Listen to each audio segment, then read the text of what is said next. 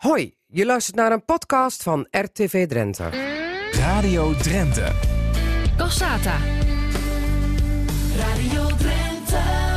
We gaan het hebben over jeugdhulp in coronatijd. En het toch wel dan de verrassende les die de afgelopen coronaweken hebben geleerd. Namelijk dat ondanks het moeten missen van directe persoonlijke begeleiding... het met heel veel jongeren en gezinnen juist beter gaat... in plaats van slechter, waarvoor wel gevreesd werd. Beeldbellen en minder controle thuis lijkt zelfs in bepaalde gevallen heilzaam te werken. Dat constateert in ieder geval bestuurder Peter Dijkshoorn van de Noordelijke Jeugdhulpinstelling Akare. En hij is ook landelijk ambassadeur van het Lerend Jeugdstelsel. Goedemiddag Peter Dijkshoorn. Goedemiddag. Als ik nou concludeer, de coronacrisis is heilzaam voor de jeugdzorg, wat zegt u dan?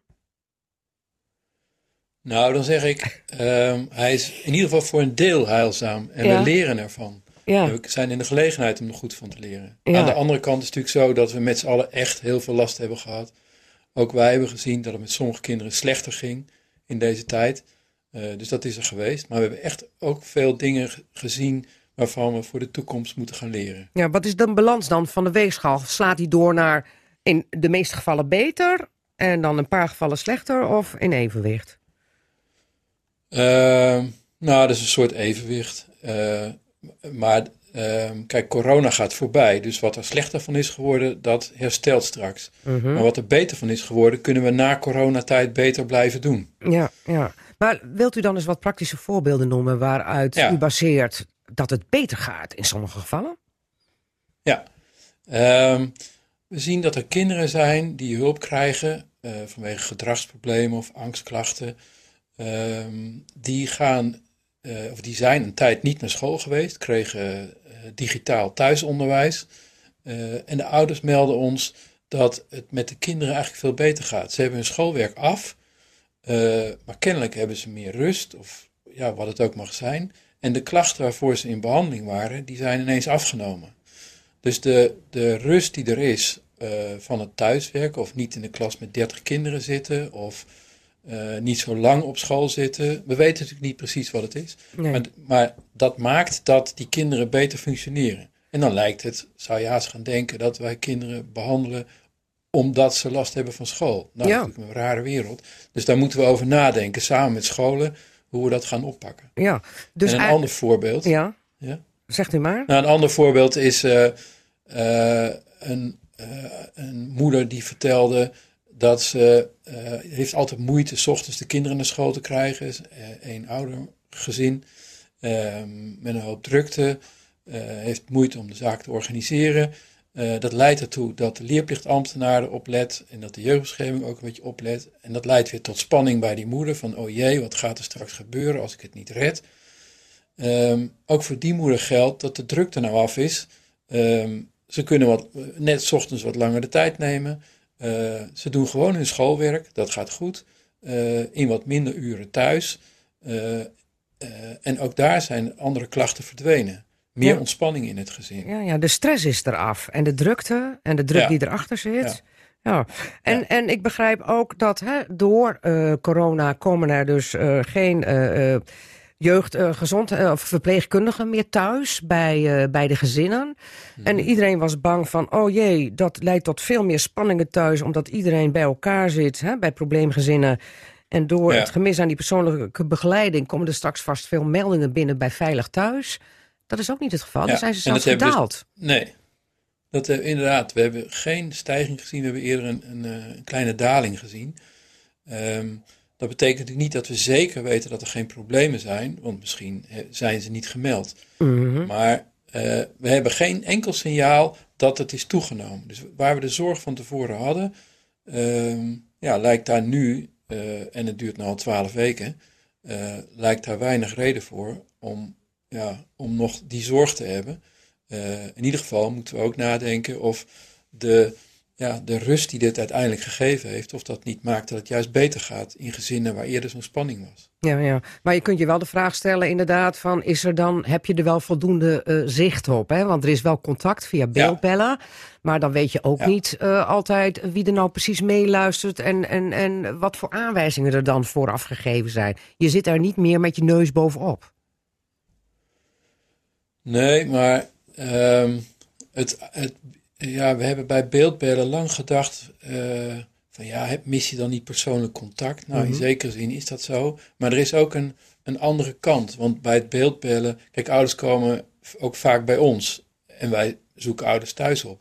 Maar bij het beeldbellen is de ouder met ons in gesprek en kruipt er een kind gewoon op schoot. Mm of er lopen kinderen achterlangs. En ineens zie je nog meer wat er thuis gebeurt. Oké. Okay. Ehm, Ongedwongener dus is het je dan? Mist, het is wat ongedwongener. Uh, je, je, je mist misschien iets in, in het directe contact, maar er is ook weer winst in een andere vorm van contact. Je ziet ook net weer wat andere dingen. Ja.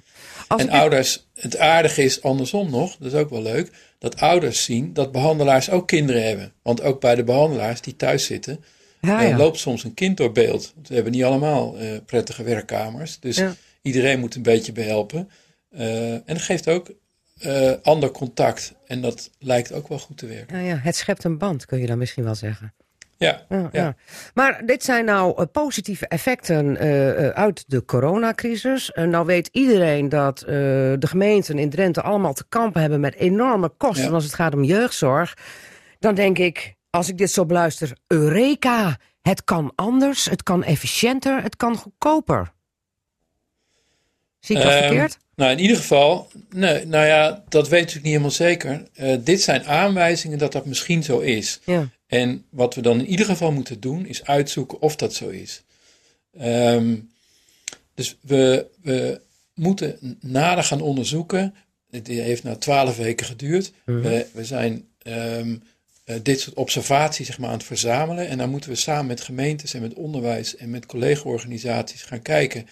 Wat kunnen we nou doen om wat hier de winst lijkt te zijn, om die te behouden. Ja. Dan zou het inderdaad zo kunnen zijn dat dat uh, uitdraait op minder zorg en dus minder kosten. Mm -hmm. uh, nou, dat zou natuurlijk prachtig zijn. Ja, want ik lees ook dat het aantal uh, kliniekopnames in overleg met jongeren en ouders dagen eerder zijn afgerond en voortgezet zijn ja. met beeldbellen. Hè? En dat ouders ja, en kind blij zijn dat ze dan weer samen zijn en, en dat de behandelaar ook zegt nou, bij een juiste indicatie uh, kunnen we dat gewoon uh, vaker gaan doen. Het is vaker beter voor doen. kind ja. en ouders en ja. voor de kosten.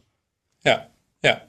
ja. Kijk, we zijn zelf als organisatie al jaren bezig om te kijken of we door anders te behandelen die behandelduur korter kunnen maken. Nou, die mm -hmm. is in tien jaar tijd afgenomen van bijna een jaar gemiddeld naar drie weken. Dus dat is echt Zo. een enorme daling. Maar nu zien we dat um, in het begin van die coronatijd, toen ineens heel veel druk op zat en, en er uh, ja, ook naar ons toe gezegd werd uh, door, door de overheid, ja, eigenlijk moeten kinderen als het even kan naar huis. Dus we zijn gaan kijken bij wie dat dan kon. En hebben we met ouders samen bedacht hoe lossen we dat dan op. En kwamen inderdaad uit op, nou, uh, je gaat vijf dagen, een week eerder naar huis dan we eigenlijk bedacht hadden samen.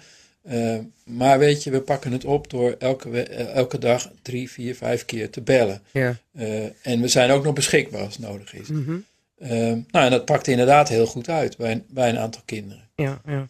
Maar, we zijn... hebben ook kinderen overigens gehad, we hebben ook kinderen gehad die do, door de coronatijd, waren een aantal kinderen met autisme, die toch zo van slag waren door dit rare gedoe, ja. Ehm, dat het voor hun echt moeilijk werd en dat we juist moesten opnemen. Ja, ja. Dat is de andere kant van de medaille. Dat is de andere kant. Het is ja. niet allemaal hosanna als het gaat uh, uh, om uh, de positieve effecten van de coronacrisis voor de jeugdzorg, is wel duidelijk.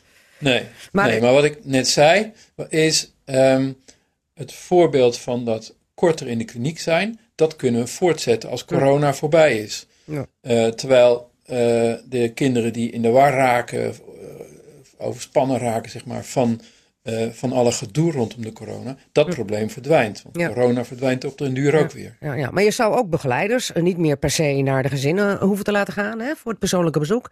Je zou wat Mhm. vaker kunnen beeldbellen. Scheelt een hoop bewegingen, scheelt een hoop tijd, uh, is ook weer goedkoper, toch? Gaan jullie dat nou ook straks dan onderzoeken van, goh, uh, wat kunnen we met hiermee, met deze constateringen? Ja, absoluut. Dus we gaan kijken in hoeverre we nou uh, het, het, het, het, uh, het bezoek of het bezoek aan huis of bezoek aan ons uh, kunnen vervangen door beeldbellen. Ja. Er zijn ouders die, hebben daar, die vragen daarom. Er zijn ouders die zeggen dat willen we echt niet, want uh, persoonlijk contact vinden we veel prettiger. Nou, daar zullen we zeg maar met onze, met de kinderen en ouders die bij ons in zorg zijn, in de tijd in moeten leren wat nou het beste werkt. Ja, ja. Maar het zou heel mooi zijn, en wij denken echt dat het kansrijk is, dat er meer met beeldbellen opgelost kan worden. Kan ik het dan zo zeggen, uh, ik mag niet helemaal zeggen dat de coronatijd zeer heilzaam is geweest voor de jeugdzorg, maar het heeft op bepaalde vlakken in vormen van begeleiding en hoe je uh, kinderen uh, begeleidt, dus meer de ogen geopend. Precies, ja dat is heel mooi gezegd. Ja, ja. Het heeft de ogen geopend en het, het lijkt ons kansen te bieden waar we echt in moeten investeren om te zorgen dat als nou ja, dat, dat we die kansen pakken als Ja. ze er zijn. Ja. Hoe snel kan dat?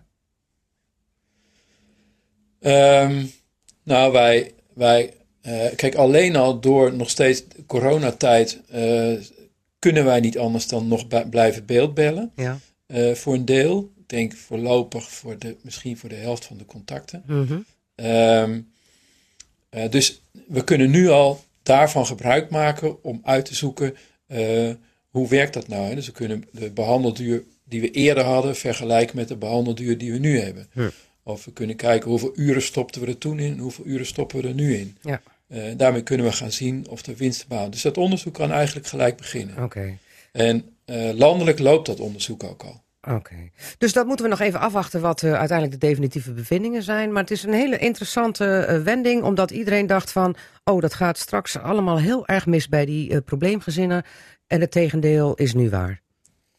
Ja. Ja, goed.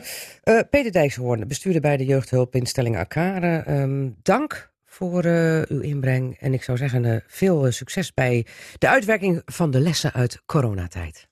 Je luisterde naar een gesprek uit Cassata op zaterdagmiddag te beluisteren bij Radio Drenthe.